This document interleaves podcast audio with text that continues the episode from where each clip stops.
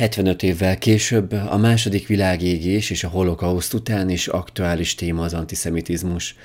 Az elmúlt pár év szélsőséges politikai vonulatainak térnyerésével ismét megjelent a kérdés, ki vagy mi számít antiszemitának? Miért fontos manapság a soáról beszélgetni? Lehet egyáltalán? A Független Média Központ és a Göte Intézet szervezésében beszélget Barna Ildikó, az ELTE Társadalomtudományi Karának docense, Marina Csernivszki, a CETVST igazgatója, Lőrinc Marcel, a Trolltalanítás projekt munkatársa, és Sönberger Ádám, a Marom Egyesület vezetője. Szeretettel köszöntök én is mindenkit, Ónodi Molnár Dóra vagyok, azon a szakmai beszélgetésen, amelyet a Független Média Központ és a Göte Intézet szervezett azzal kapcsolatban, hogy hogyan lehet hatékonyan fellépni az antiszemitizmussal szemben. De mielőtt erre a kérdésre megpróbálnánk válaszolni, engedjék meg, hogy bemutassam a kerekasztalnak a résztvevőit. Mellettem Barna Ildikó, szociológus, az ELTE Társadalom Tudományi Karának docense. Köszönöm, hogy elfogadtad a meghívást. Lőrinc Marcel lesz a következő, akit bemutatok, aki a trolltalanítás projektről fog majd hosszabban beszélni nekünk. Köszönöm neked is. Sönberger Ádám pedig a Marom Egyesület vezetője, ez egy fiataloknak szóló kulturális projekt, és most már több mint 20 éve működik. Köszönjük neked is, hogy elfogadtad a meghívást, és végül, de nem utolsó sorban Marina Csernivszki, az EVST kompetencia központnak a vezetője, és ő már ugye tartott egy kis előadást, amire egyébként sok mindent még föl lehet fűzni az abban hallott gondolatokra, és be fogom hozni majd ide a beszélgetésbe. És még mindig egy kis türelmet kérek a kerekasztal elindítása előtt, mert ahhoz, hogy jól tudjunk válaszolni a feltett kérdésre, ahhoz egy pár mondatot mondanék egy friss jelentésből. A Mazsi Hisz minden évben megjelentett egy antiszemita incidensekről szóló jelentést, ez évről évre ugye elérhető, és e jelentés alapján az elmúlt évekről elmondható, hogy sok tekintetben stagnálnak az incidensek, de vannak bizonyos típusú incidensek, ahol növekedés látszik. A, ahol stagnálnak, az a fizikai atrocitások, ö, sokkal jobb a helyzet itt Kelet-Európában, Magyarországon, mint ö, Nyugat-Európában. Ö, tehát nemzetközi összehasonlításban ezek a támadások Magyarországon alacsonynak mondhatók. Ö, az elmúlt években nem ö, volt olyan támadás, amely fizikai ö, sérülést okozott volna. A fenyegetések azonban vannak, ezek leginkább az online ö, térben vannak rongálások is vannak visszatérően, ö, ott is viszonylag egy stagnálást látunk. Én kettőt emeltem ki most a, a, az elmúlt évekből, ahol visszatérő elkövetéssel találkozunk. Ez a gyöngyösi ö, régi zsinagóga épülete, amelyet ö, rendszeresen támadnak, illetve a Zalaegerszegi holokauszt emlékmű. Ahol viszont aggasztó jelenségeket látunk, ezek is aggasztóak, csak itt ez egy stagnálás, de ahol növekedés van, az az online tér, a gyűlöletbeszéd durvul, és ahogy Marina már említette, hogy az antiszemitizmus, mint gondolkodásmód, az hogyan tör utat magának, jól látszik, hogy a pandémia kapcsán, illetve most a, a, az ukrán, ukránokat ért orosz támadás kapcsán is elég intenzíven jönnek ezek a gyűlöletbeszédek. Az antiszemita gyűlöletbeszéd egyébként, mint ahogy ebből a jelentésből kiderül, többször összekapcsolódik az LMBTQ közösséggel szembeni gyűlölet megnyilvánulásokkal. Ha az elkövetőket nézzük, akkor sokszor találkozunk ö, ismert szereplőkkel, a szélső jobboldali Légió Hungária szervezettel, illetve szurkolói csoportokkal, itt külön kiemelném a Kispest militánt Jugendhez ö, Jugendet, ahova, a, akikkel kapcsolatban kötődnek mindenféle esetek. Um, megjelenik a magyarországi incidensek között az izraeli politikával kapcsolatos ö, esetek is. Itt ö, a májusban fellángoló izraeli konfliktus az, ami főleg megjelent. Egyébként Izrael előkerül más incidensek kapcsán is, amit már Marina is említett, a járványkezelés kapcsán jelentek meg erőteljes antiszemita szövegek. A járványjal kapcsolatban egyébként is azt láttuk, hogy az összeesküvés elméletek nőttek, tehát valamiképpen ez a pandémiás időszak, ez nagyon felerősítette ezt a jelenséget. És rátérnék az utolsó két jelenségtípusra, ami a közéleti antiszemitizmust jelenti. A kormány közeli médiához köthető esetek eléggé felülreprezentáltak ebben a tárgykörben. Hoztam egy példát is, még a választási kampányban tavaly novemberben a 30-as évek náci propagandájáról erősen hasonlító rajzzal ábrázolta egy Ripost nevű újság, amely egy közép-európai sajtó és média alapítványhoz tartozó sajtótermék a baloldali politikusokat. És hoztam egy friss esetet is, ami a szélső jobboldali Mi Hazánk mozgalomhoz köthető, amely szintén egy olyan ö, szerveződés, amely nagyon ö, erősen kötődik ezekhez az antiszemita tartalmakhoz. Ez a mozgalom, ez bekerült idén a magyar parlamentbe, és az elnöke, ö, elnök helyettese Dúró Dóra ö, az országgyűlés épületében egy Horti Miklós melszobrot avatott, úgyhogy a magyar parlamentben most már van egy Horti mászobor. Hiába kérte egyébként több zsidó szervezet is a szobor eltávolítását, és hiába tiltakozott az izraeli nagykövet is. Elnézést, hogy egy picit itt hosszúra nyújtottam a bevezetőt, de gondoltam, hogy ahhoz, hogy a tárgyra térjünk, mégiscsak a elmúlt pár évnek a, a fontos incidenseit összefoglaltam, és arra kérném először Barna Ildikót, hogy a modernkori antiszemitizmusról pár szóban beszéljen, mert ugye ez szorosan kötődik ezekhez az incidensekhez. Köszöntök mindenkit, először is nagyon köszönöm a meghívást, és hogy itt lehetek. Azt gondolom, hogy ez egy nagyon, nagyon fontos esemény, és pont nagyon kapcsolódik ahhoz, ahogy én gondolkodom az antiszemitizmusról, hogy mennyire fontos a párbeszéd. Két dologról szeretnék beszélni. Az egyik az az, hogy mi a modernkori antiszemitizmus, és ennek milyen formái vannak, másrésztről pedig, hogy ezt hogyan tudjuk mérni, vagy hogyan tudjuk detektálni. A modernkori antiszemitizmus alapvetően azt az antiszemitizmus jelenti, ami a vallás felvilágosodás kori háttérbeszorulásával jelenik meg, és a fő kategóriája a faj. A zsidó, mint faj megjelenése. Ugye ez egy nagyon rendkívül veszélyes fordulat, mert a faj az egy olyan jellegzetesség, ahol az emberek nem tudnak megszabadulni. Míg a vallási antiszemitizmusnál a kikeresztelkedés az egy formája volt a zsidóságtól való megszabadulásnak, a faj jelleg és a faj, mint kategória megjelenésével ez az út lehetetlenné vált.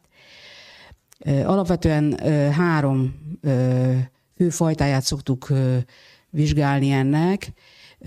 Az egyik az a konspirációs antiszemitizmus, ami az összefüggés elméleteken alapul. Ezeknek ugye a múltba mondjuk a Cion bölcseinek jegyzőkönyveig tudunk leginkább, erre tudunk hagyatkozni, oda tudunk visszamenni. Ugye ami gyakorlatilag arról szólt, hogy a Talmudban is meg van írva, hogy a zsidók világuralomra törnek, és gyakorlatilag ebből fejlődik ki az a fajta gondolatkör, ami ennek a konspirációs antiszemitizmusnak a lényege. Magyarországon ez rendkívül erős, azoknak a kijelentéseknek, amelyek ezt fejezik ki, körülbelül a magyar népesség a 40 a elfogadja ezeket a kijelentéseket. Következő típus a másodlagos antiszemitizmus, ennek a, az egyik megjelenési formája a holokauszt tagadás. Ugye ennek vannak, hogy Deborah Lipstadt mondja, soft és hardcore típusai, tehát van az effektív holokauszt tagadás, és van a holokauszt relativizálás, holokauszt distortion, ahogy az angol kifejezés mondja. Ugye itt megjelent egy nagyon fontos jelenség, és ez a pandémia kapcsán nagyon előtérbe került, hogy miből fakad ez a fajta holokauszt relativizálás. Tehát ez valóban egy antiszemitizmus, vagy a tudás hiányból fakad. Ugye nagyon sok ilyen dolog volt a pandémia kapcsán, hogy tüntetéseken, Dávid csillaggal és mindenféle más dologgal vonultak az emberek. A harmadik formája pedig a másodlagos, antiszemit, a másodlagos antiszemitizmus, vagy az új antiszemitizmus, bocsánat, amely a, ö, azt jelenti, hogy az izrael kapcsolatos kritikákat és a cionizmussal kapcsolatos kritika valójában egy antiszemita nézetet fed. Itt ugye a nehézség az, hogy hogy tudjuk megkülönböztetni egymástól Izrael jogos kritikáját, amely minden országot illethet, ebben Izraelben nem kivétel, és hogyan tudjuk megtalálni azt, hogy az ilyen típusú kijelentések melyik része antiszemitizmus. Egy negyedik dolgot is behoznék, és itt áttérnék egy picit a mérésre, a fai antiszemitizmus, tehát az igazi fai antiszemitizmus. Ezzel nagyon ritkán találkozunk, nyílt formájában. Az antiszemitizmus az olyan dolog, ami a társadalomban még mindig nagyon sok más csoporthoz képest normatívan sokkal inkább büntetett. Mit jelent ez? Nem komilfó antiszemitának lenni. Ez nagyon nehézé teszi ennek a jelenségnek a mérését. Én egy kvantitatív szociológus vagyok, és ugye kérdéseket teszünk fel embereknek, amire azt reméljük, hogy őszintén válaszolnak. De nyilván, ha egy olyan dologról kérdezzük őket, ami nem igazán elfogadott a társadalom, akkor ez nagyon nehéz. A fai antiszemitizmussal ez különösen így van. Éppen ezért nagyon fontos az online antiszemitizmus mérése, mi az ELTE Társadalomtudományi Karának Empirikus Tanulmányok Intézetében 2018-ban létrehoztunk egy kutatócsoportot, egy kutatóközpontot, a Research Center for Computational Social Science-et, ahol automatizált szövegelemzéssel vizsgálunk online tartalmakat. Ebben az esetben például a Kurucinfo szélsőjobboldali portál tanulmányozásakor, mindig mondom, hogy veszélyességi pótlékot kéne kapnom a munkámért, detektáltuk a faj antiszemitizmus, méghozzá nagyon erős mértékben. Mi akkor a, ö, vizsgáltuk a kurucifót, és ugyanezt találtuk, megtaláltuk ezt a formát, amikor a koronavírussal kapcsolatos ö, antiszemitizmust kutattuk szintén ilyen online formában. Ö, tehát nagyon szeretném felhívni a figyelmet két dologra, kapcsolódva az előadáshoz, a rejtett antiszemitizmus, a kódolt antiszemitizmusnak kérdését, rendkívül fontos. Ez is nagyon nehézé teszi a mérést, hogy nagyon sokszor rejtett formában, kódolt formában jelenik meg az antiszemitizmus. Másrésztről pedig az online antiszemitizmusnak a mérését, ami szintén nagyon nehéz, és ezt is nehézé teszi a kódolt forma. És erre csak rátesz az, hogy azok a portálok, Facebook, YouTube és így tovább, ugye automatizált formában mesterséges intelligencia segítségével vizsgálják ezeket a hozzászólásokat, ezeket kizárják, de ez azt a közösséget, aki ezeket használja, arra indítja, hogy mindenféle kódszavakat használjanak az antiszemita tartalmaknak az elkendőzésére. Ilyen kódszavakat használnak egyébként a rasszisták is. Most egy ö, friss kutatás kapcsán találkoztam avval, hogy a cigány ellenes gyűlöletek Magyarországon ma úgy jelennek meg, hogy a svéd cserediákokról beszélnek meg mexikóiakról, és így a, ki tudják kerülni a gyűlöletbeszédet terjesztők a Facebook algoritmusát, de ez csak egy zárójel volt. Marcelhoz fordulok, aki a trolltalanítás projektben monitorol számos médiumot, mit tapasztaltok, hogy behatárolható-e az a média típus, tehát értem itt azt, hogy hagyományos média, közösségi média, ahol nagyobb a jelenléte ezeknek az antiszemita tartalmaknak, vagy ez mindenhol ott van? Köszönöm. Jó kérdés, tehát mindenhol jelen van, sajnos, vagy hogy, hogy mondjam, a, a munkánkat olyan szempontból megkönnyíti, hogy ha keressünk, akkor találunk.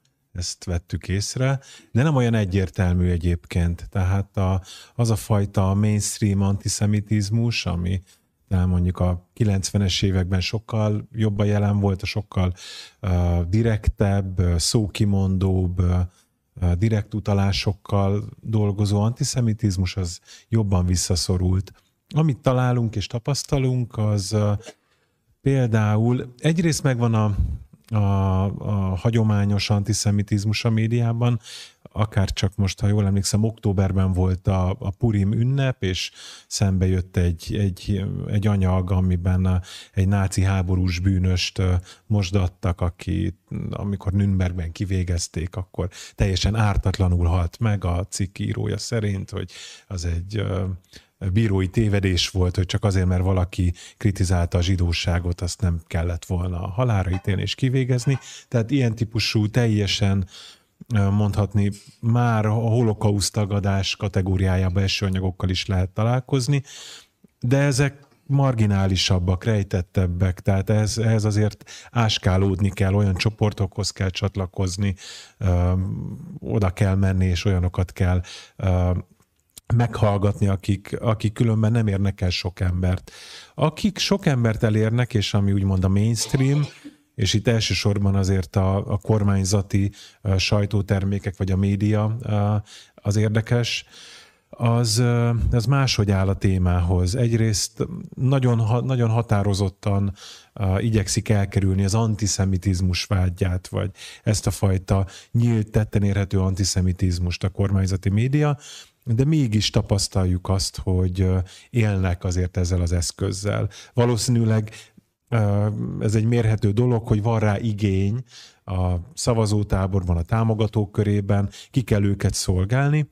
Erre egy, egy létező módszertan az, hogy valójában vélt, vagy valóban zsidó származású embereket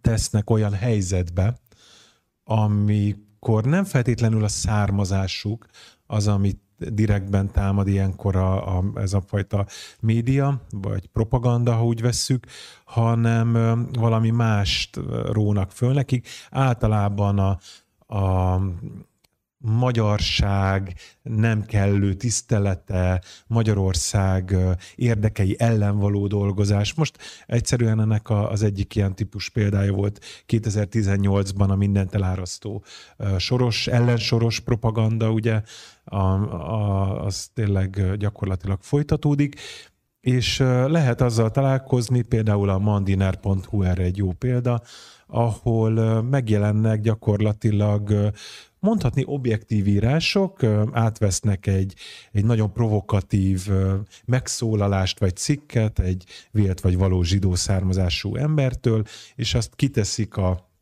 a, az online térbe, és hagyják, hogy a saját kommentelőik, trolljaik ezt szétszedjék, és szabad teret engednek annak gyakorlatilag, hogy a legalpáribb zsidózó antiszemita szövegek is megjelenjenek, nyilván nem csak ezekből áll, de, de volt arra példa, hogy ennek ezt sikeresen visszajeleztük, és volt, hogy a szerkesztők vették a fáradtságot, és ezeket eltávolították, de volt olyan, amikor ezt teljesen figyelmen kívül hagyták.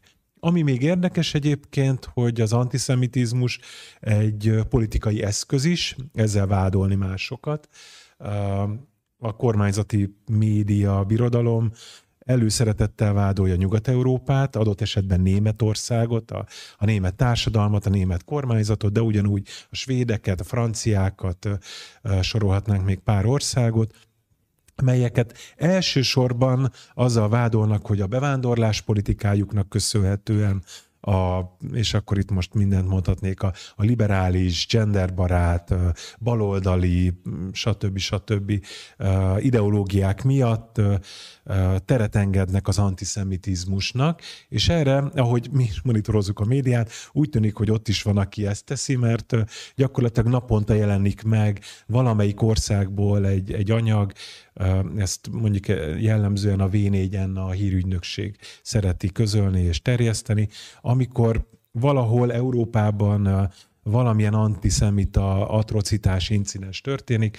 Néha ezek egyébként eléggé uh, kisfajsúlyúak, de a magyar médiában, vagy hát ebben a kormányzati médiában nagyobb teret kapnak, komolyabb elemzés, és ami természetesen egy jó kérdés, hogy amikor ezeket az eseteket elemzik, akkor nagyon fontosnak tartják hangsúlyozni, hogy itt az elkövetők, azok vélhetően bevándorlók és vagy muszlimok, nem mint hogyha az lenne velük a baj az elemzés szerint, hogy antiszemita cselekedet hajtana, cselekedetet hajtanak végre, hanem már a származásuk van itt a célkeresztben. Ádámhoz fordulok, hogy az Egyesületetek a kultúra közvetítő szerepén próbál küzdeni az antiszemitizmus ellen, de mivel, hogy most már azért egy nagyobb múltra visszatekintő szervezetről beszélhetünk, egyrészt érzékelte de az elmúlt húsz évben, hogy hogyan változott az antiszemitizmus Magyarországon a célcsoportokon keresztül, tehát a fiatalok által behozott problémákon keresztül, illetve egy friss kutatást még behoznék, amely szintén évről évre elkészül, a Medián készíti, és ebben nagyon megdöbbentő adatot láttam, és azzal kapcsolatban kérdezem, hogy ezt a hullámzást, ahogy Magyarországon az antiszemitizmus változik, azt érzékelitek-e? A felnőtt lakosság, ez szerint a kutatás szerint 36%-a tekinthető antiszemitának, és van ennek a mérésnek egy olyan ága is, amely a úgynevezett kognitív antiszemitákat jellemzi, ők 56%-on állnak most, tehát a magyar felnőtt lakosság 56%-a tekinthető kognitív antiszemitának, ami azt jelenti, hogy a gondolkodásában valamiképpen jelen van ez. Ez a szám, ez az 56 százalék, ez 2018-ban 63 százalék volt, és 2013-ban pedig csak 53 százalék. Ti érzitek ezeket a mozgásokat, és általában itt a felsorolt ö, ö, incidensek közül milyen típusúakkal találkozik a szervezetetek? Köszönöm szépen a meghívást. Én is nagyon fontos témának tartom az antiszemitizmus kérdését Magyarországon, és főleg egyébként azokat a szempontokat, amiket hallhatunk előbb. Nagyon sok kérdést kaptam, megpróbálok ezekre válaszolni. Alapvetően mi egy, igen, egy jó nagy múltra visszatekintő szervezet vagyunk, szinte a rendszerváltás után jött létre a szervezet.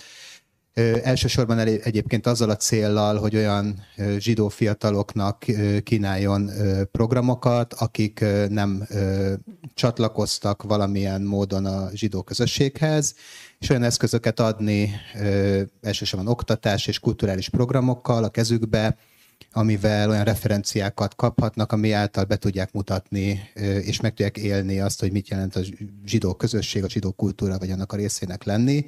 És hát nyilván egyébként, mint ilyen szervezet, ez nem, és egy nyitott szervezetként nem csak zsidó fiataloknak kezdünk, vagy kezdett el az Egyesület programokat szervezni, hanem az egész nagy közönségnek, ami abban az időben egyébként, amikor mi ezt elkezdtük, az egy új dolog volt. Tehát abban az időben nem mertek egyébként például nyíltan meghirdetni a zsidó programot az utcán, mert féltek attól, hogy antiszemita atrocitásokra lesz, kerül sor Úgyhogy, úgyhogy azért onnan indítottuk, és a mi feltevésünk, és ez azért nagyon fontos, mert abban az időben ugye fémdetektoros kapukon kellett bemenni minden ö, zsidó rendezvényre, és mi kezdtük ezeket egyébként elhagyni, mert azt láttuk, hogy ilyen típusú fizikai atrocitásra egyre kevésbé kerül sor és ez szerintem így is maradt, és hogy ebből, ebből a szempontból mi, nem látunk változásokat.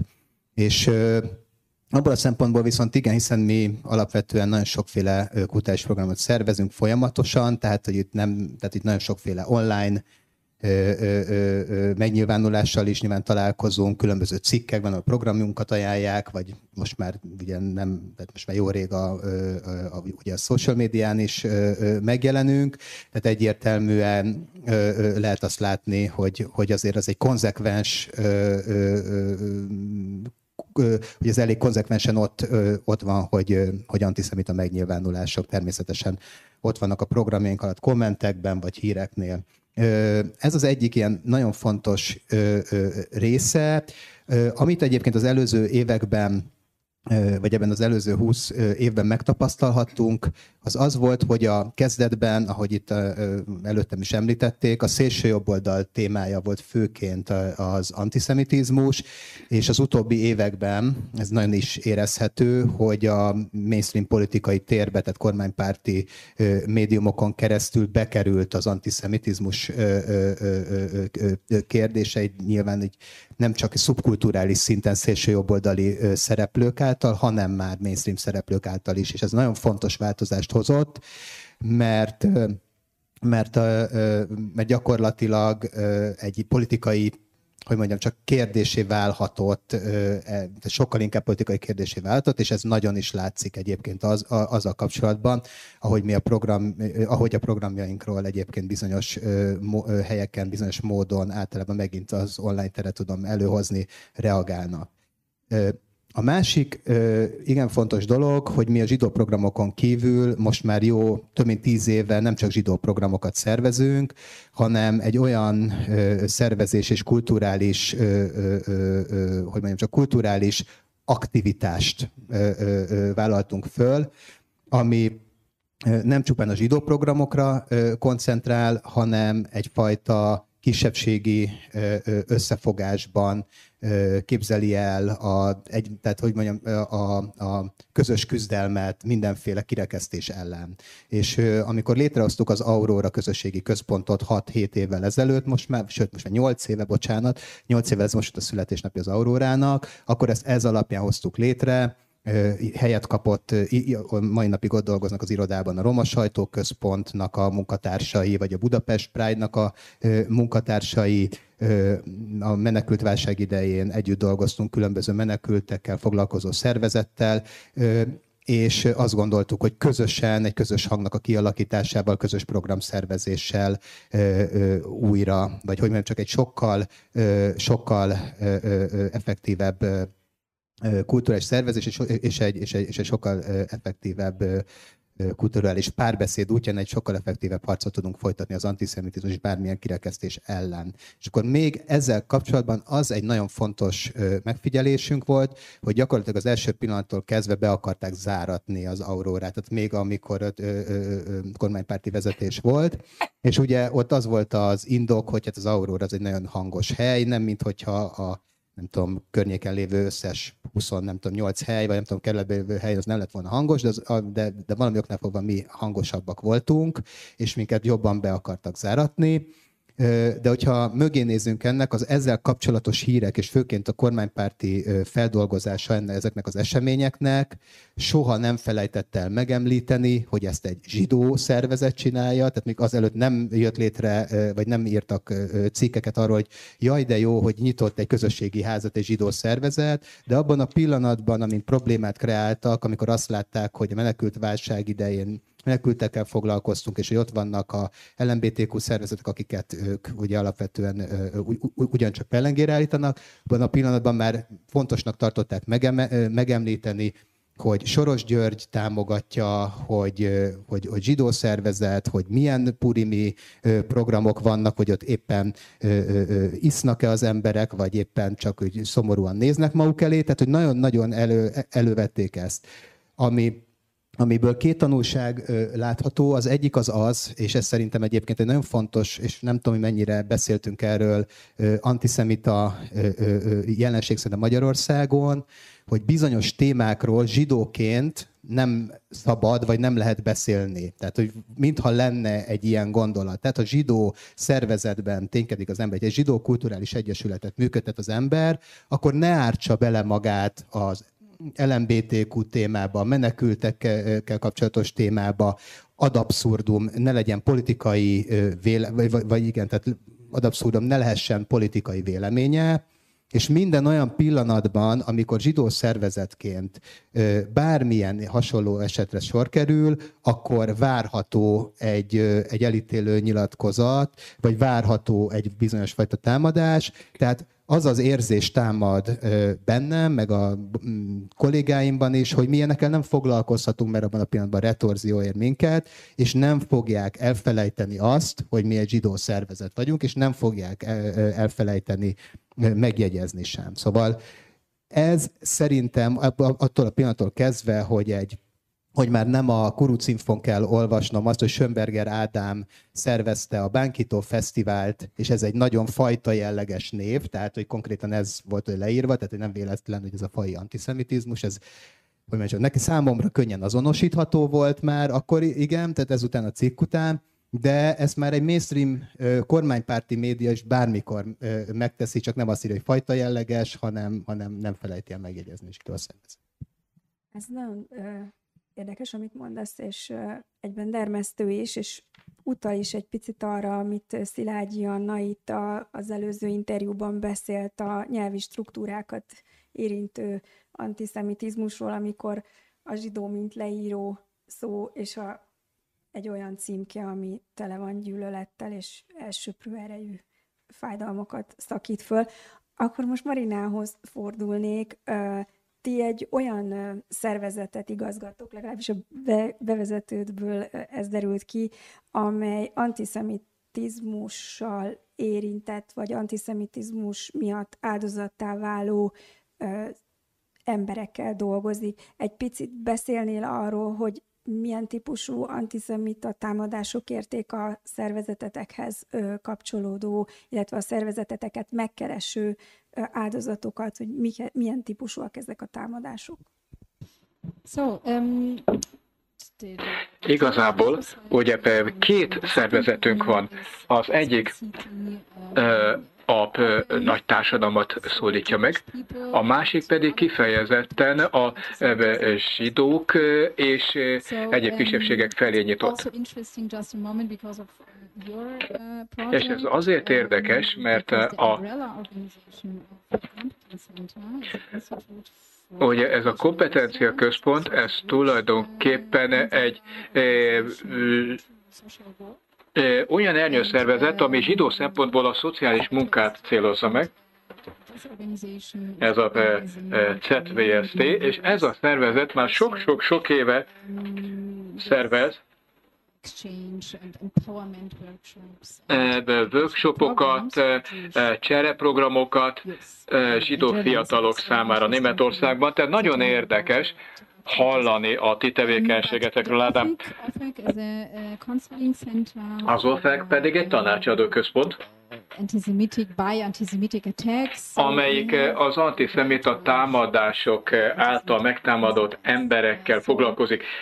Rengeteg különféle ilyen típusú támadása, minden, amit el tudok képzelni. A közösség élet bármelyik területe, munka, iskola, játszótér, um, mindennapi kommunikáció, az intézményi diszkrimináció, mind lehet helye az antiszemitizmusnak. Uh, És hát emellett ott van a fizikai támadás, uh, egy buszon, um, vonaton, um, kint az utcán, verbális antiszemitizmus, ez egy óriási és nagyon fontos terület. Nos, az emberek néha segítséget kérnek, de emellett aktívan foglalkozunk a tudatosítással is. Tehát, hogy tehát, hogy hogyan uh, tudjuk érvényesíteni a jogokat. A probléma az, hogy sokan nem is tudják azt, hogy milyen jogaik vannak, és nem is asszociálják az antiszemitizmust, mint az emberjogoknak a megsértését. A zsidók maguk is, a zsidó emberek maguk is gyakran azt mondják, hogy hát az antiszemitizmus úgy egy mindennapos, úgy benne van a levegőben, egy, egyféle ilyen háttérzaj, Semmi különös. És a zsidó fiatalok, a zsidó diákok. Esetében is dolgoznunk kell azon, hogy tudatosítsuk ezeket a dolgokat, hogy ne fedkeznek el arra, hogy vannak jogaik, és hát, hogy emellett tudatosítsuk azt is, hogy az antiszemitizmus, az diszkrimináció, az erőszak, és nem csupán ilyen absztrakt háttérzaj, nem is érdekes, nem kell ezzel foglalkozni,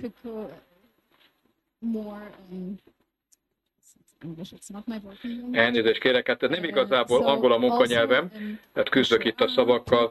És hát, hogy ugye a, a soa is egy olyan dolog, ami amire oda kell figyelni. A németek szám, a zsidók számára ugye ez nagyon releváns. Volt egy hölgy, aki sok évvel ezelőtt azt mondta egyszer, hogy nem vagyok benne biztos, hogy panaszkodhatok-e arról, hogy velem mi történt, ugyanis az én családomnak nem volt lehetősége arra, hogy ezt megtegye, a soha, és hát a soha alatt sokkal rosszabb volt a helyzet. Ugye fontos, hogy a zsidók saját maguk is megértsék, hogy van támogatás mögöttük, és hogy ők saját maguk is sokat tehetnek eh, a jogok, jogaiknak az érvényesítésért. Remélem, hogy érthető volt. Hogyne, hogyne, persze. Átérnék egy kicsit arra, hogy arról kérdezzelek benneteket, hogy hogyan lehet gyakorlatban eh, fellépni az antiszemitizmus ellen, és az előző előadásokban többször elhangzott a képzés, megelőzés, kulcsszavak. Azt kérdezném, hogy mennyire érzitek azt kihívásnak, hogy fölnőtt egy olyan generáció, amely már egyáltalán nem találkozott, akár túlélővel se, aki a második világháborúban érintett volt, áldozotta a végképp nem, hogy teljesen más médiafogyasztási szokásaik vannak, és sokszor azok, akik jó szándékúan megpróbálnak küzdeni az antiszemitizmus ellen, és programokon gondolkodnak, egyszerűen elveszítik a kapcsolatot ezzel a generációval. Ezzel, ezt mennyire látjátok, mennyire látjátok fenyegetőnek, vagy veszélyforrásnak, és hogy mit lehet ezzel ellen tenni? Pár dolog jutott eszembe. Az egyik dolog az, hogy ö, azt gondolom, hogy ö, nem kifejezetten az antiszemitizmus ellen kell küzdeni hanem az előítélet ellen, és ennek nem feltétlenül az a módja, hogy ez direkt módon ö, küzdünk ellene. Ö,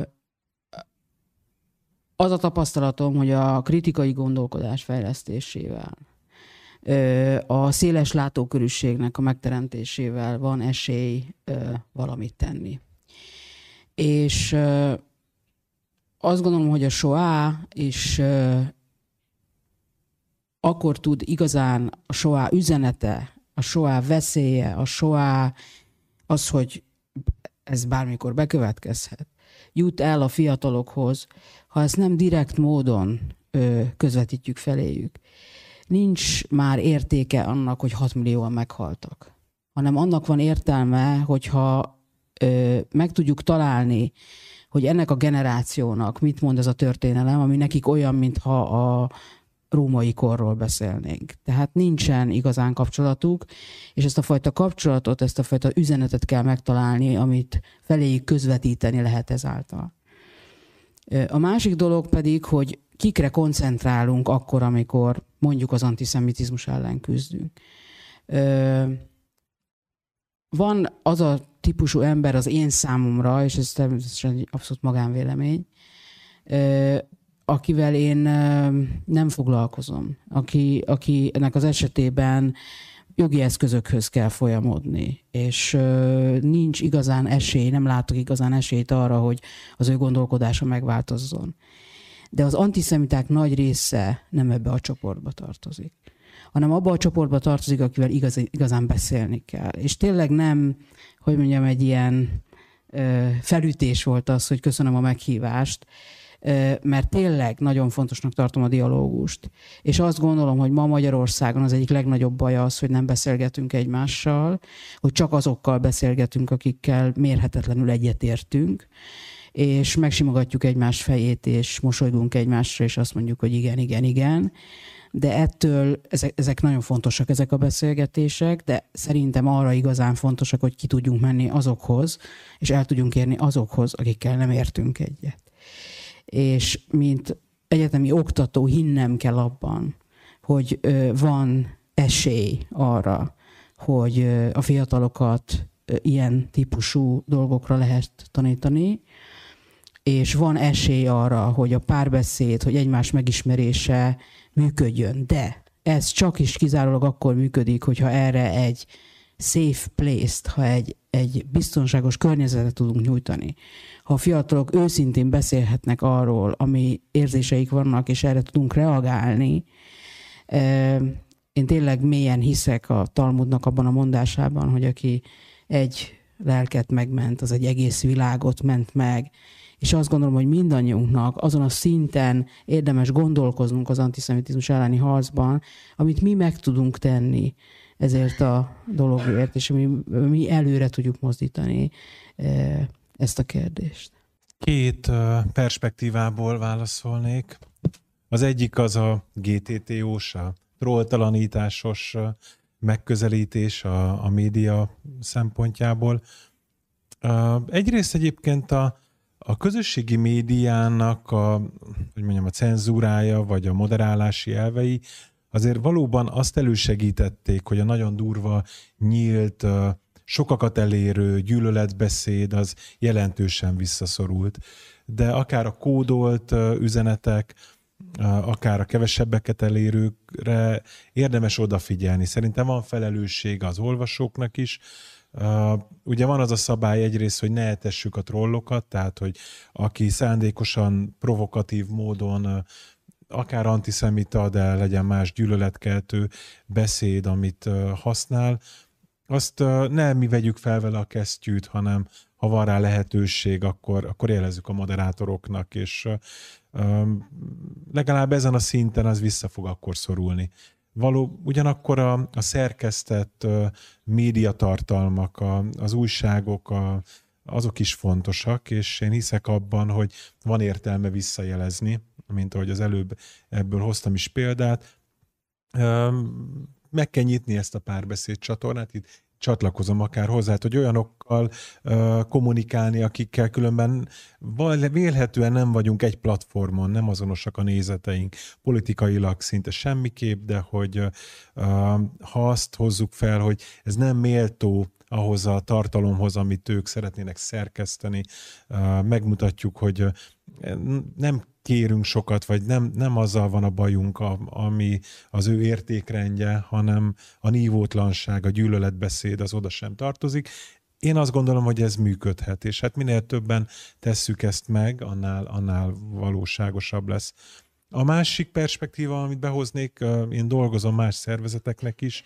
Egyébként pont egy párbeszéd projektet zártunk egy hete, ahol zsidó résztvevők és szélső jobboldali antiszemita résztvevők több mint egy éven keresztül rendszeresen beszélgettek egymással, megismerték egymást. Nagyon sokat el lehetett érni. Kiderült, hogy, hogy ez, ez, hogy mondjam, puhítható ez a dolog.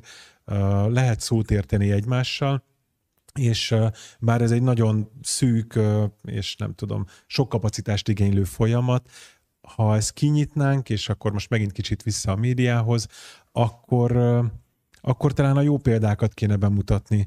Meg kell szólalni a zsidó embereknek, zsidó szervezeteknek, itt majd adom át a szót Ádám felé. Szerintem az nagyon fontos, hogy, hogy a zsidó közösségek fölvállalják a zsidóságot, az egy nagyon pozitív dolog, legyen ez természetes, ebben, ebben legyünk minél inkább partnerek, és ne hagyjuk, hogy más oldalakat belekényszerítsenek abba, hogy csak azért, mert ő patrióta, mert neki fontos, nem tudom, Magyarország történelme vagy jövője, az nem egyenlő az antiszemitizmussal. Vagy akár itt, ha Nyugat-Európában nézzük, csak azért, mert egy olyan országból ő bevándorló vagy muszlim, az nem egyenlő az antiszemitizmussal. Tehát ezeket az értékeket is külön kell választani.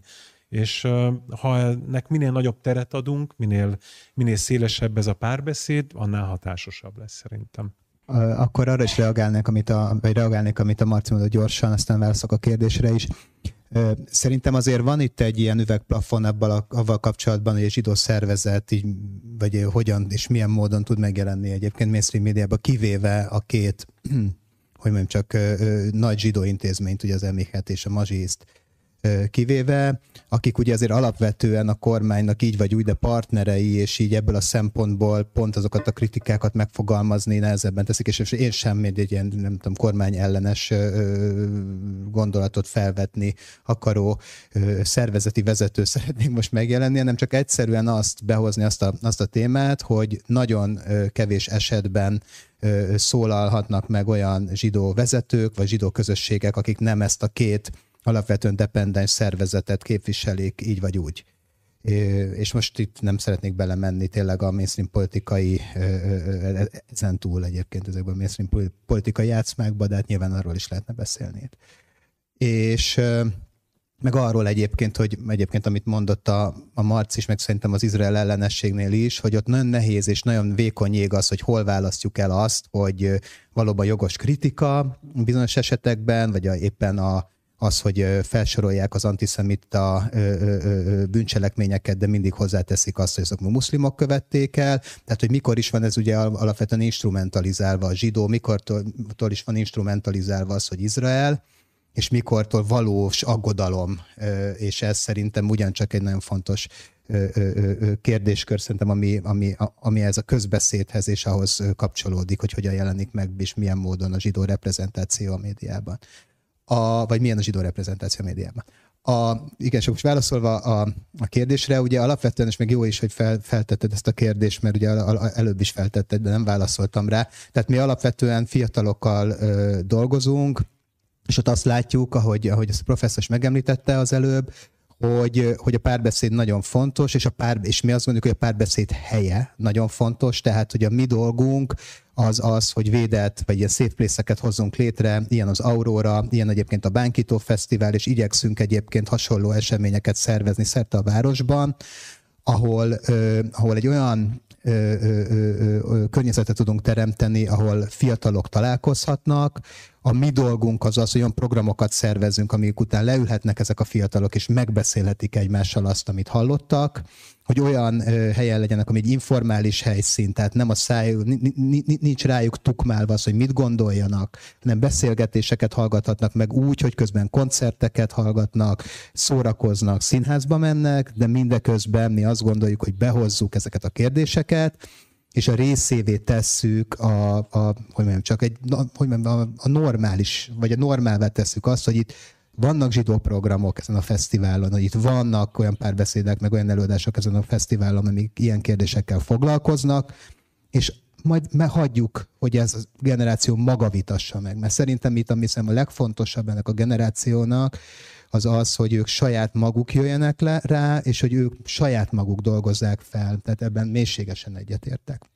És a másik fontos dolog, amit fontosnak tartunk, és ez is benne van a címébe az eseménynek, ez pedig a kultúra és a művészetek szerepe, tehát mi azt gondoljuk, hogy alapvetően önmagában, a, vagy legalábbis amivel mi foglalkozunk művészet és kultúra, az nem az, hogy önmagában nagyon szép és gyönyörű képeket szeretnénk bemutatni, vagy izgalmas előadásokat, azt megteszik mások.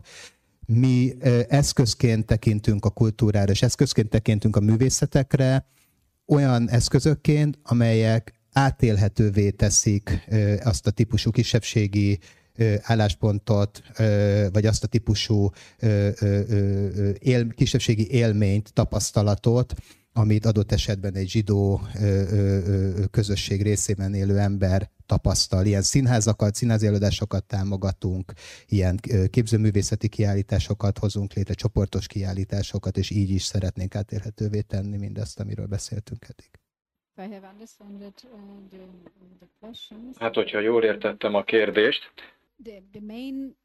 az arra vonatkozott, Na, mondjam azt, hogy eh, én abban reménykedem, hogy olyan eh, akár provizórikus eh, tereket tudunk teremteni, amelyek a felnőttek számára is fontosak, olyan emberek számára, akik multiplikátorok, facilitátorok. A társadalmi élet különféle részein, valamint eh, a szakmabeliek számára is. Eh, mi nem úgy dolgozunk, hogy á, figyelj, le akarsz ülni velem egy picit beszélni az antiszemitizmusról? Nem. A kultúra tud ezzel foglalkozni, a média tud ezzel foglalkozni különféle módokon, a művészet is, eh, az oktatás, különleges módokon az oktatásban dolgozók is meg tudják ezt tenni. Azt hiszem, hogy az emberi jogok, az antiszemitizmus, a rasszizmus, a diszkrimináció, e, ezek mind olyan dolgok, amik nem hobbik, hogy oké, okay, jó, akkor most hát beugrok egy olyan intézménybe, ahol erről beszélgethetek egy kicsit. E, ez nem is érdeklődési terület, hanem véleményem szerint minden egyes ö, olyan területen megjelenik, ahol az e, emberek más emberekkel foglalkoznak egy demokratikus társadalomban. Megérteni a szabályokat, hogy hogyan tudok visszaadni valamit a társadalomnak, ez nagyon fontos. A tanárok esetében könnyű a dolog. Tudunk velük beszélni, meg tudjuk velük beszélni a kérdéseket, mert az a, egy olyan pozícióban vannak, ahol, ez, ahol nekik is beszélniük kell erről. A rendőrség, a média szintén ilyen területek, ahol ki tudjuk választani azokat a szakmai csoportokat, ahol vannak meghatározott agendák, és aztán utána ezekhez hozzáigazítva tudjuk, tudunk velük beszélni. A megközelítés szempontjából nagyon fontos ilyen tereknek, ilyen eh, reflexiós, gondolkodási tereknek a létrehozása, ahol az emberek akár az érzelmeiket is eh, kifejthetik, eh, ahol megtanulhatják, hogy hogyan kell ellenállni az antiszemitizmusnak, vagy akár gyakorolhatnak is, mert ugye az antiszemitizmus eh, sokak számára, hát én ciki dolog, hogy most akkor picit vagyok antiszemita, vagy jobban, tehát senki igazából nem fogja verni a mellét, hogy na, én antiszemita vagyok, vagy eh, nekem antiszemita véleményem van XYZ dologról. Ezek fontos dolgok. És um, én nagyon jól értem, amiről te beszéltél itt a kritikus gondolkodással eh, kapcsolatban. Az előítéletektől való um, megszabadulás minden demokratikus társadalomnak az alapillére, de hogyha antiszemitizmusról, szexizmusról, rasszizmusról beszélünk, minden egyik, minden egyes jelenségnek sajátos történeti múltja van, sajátos módja van, ahogy működik, sajátos struktúrája van, és fontos, hogy minden egyes ilyen jelenséget elhelyezzünk a megfelelő helyére.